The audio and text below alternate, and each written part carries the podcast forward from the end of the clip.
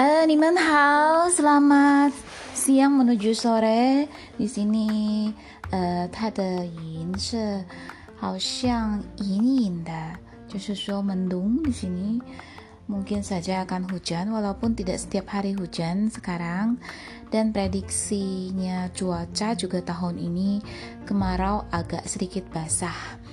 Dan yang sedikit membuat uh, sedih dan uh, pada Minggu Palma ini selamat ya bagi orang-orang yang beragama Kristen merayakan Minggu Palma yaitu di mana Tuhan Yesus dieluk-elukan saat datang dan uh, dicemooh pada saat uh, di hadapan orang-orang karena Tuhan Yesus sudah mengatakan bahwa dia adalah raja dari orang Yahudi.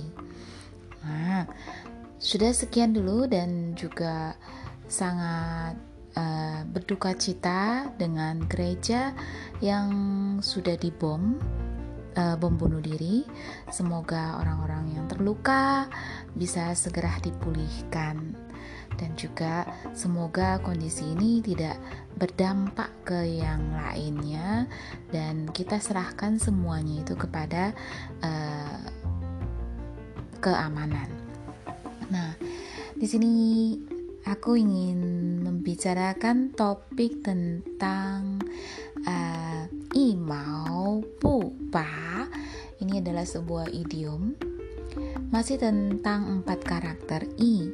Satu, mau ini bulu, pu tidak, pa, pa ini cabut. Jadi sehelai bulu pun tak tercabut.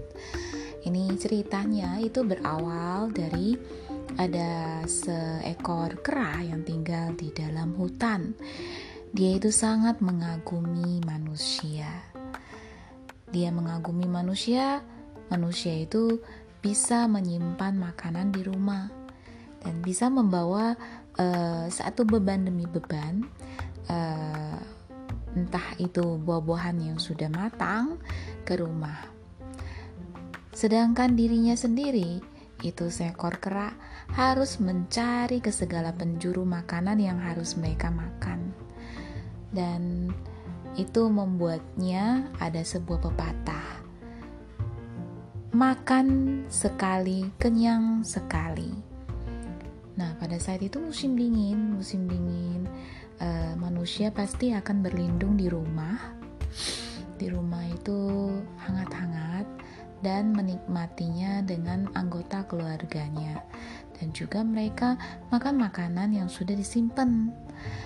Sedangkan kera hanya bisa melindungi dirinya itu di sebuah gua dan gua itu dingin dan dia juga ngerasa lapar dingin dan juga dia hanya bisa meringkukkan tubuhnya.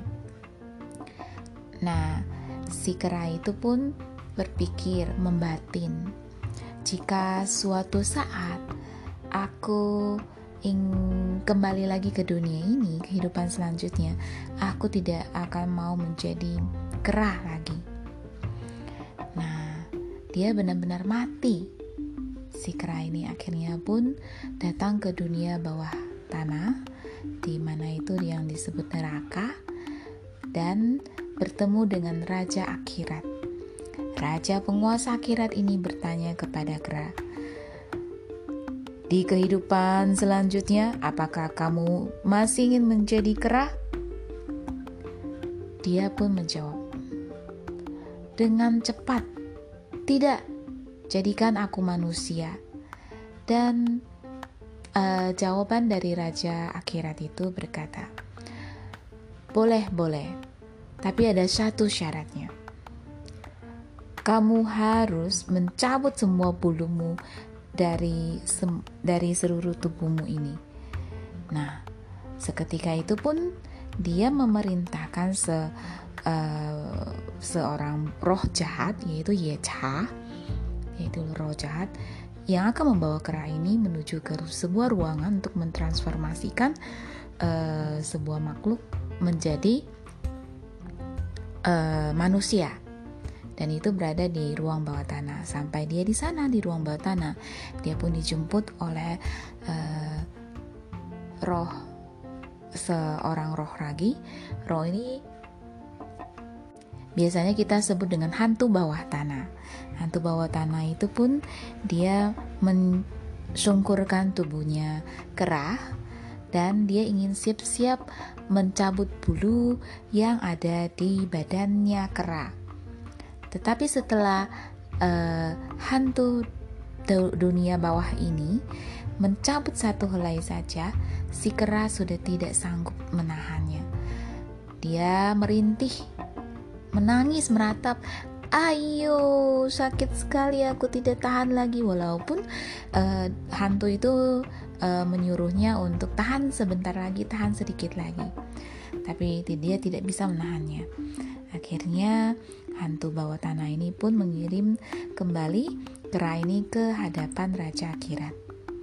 Raja Akirat menertawakan kera ini sambil berkata, "Bagaimana mungkin satu helai bulu pun kamu tak tercabut?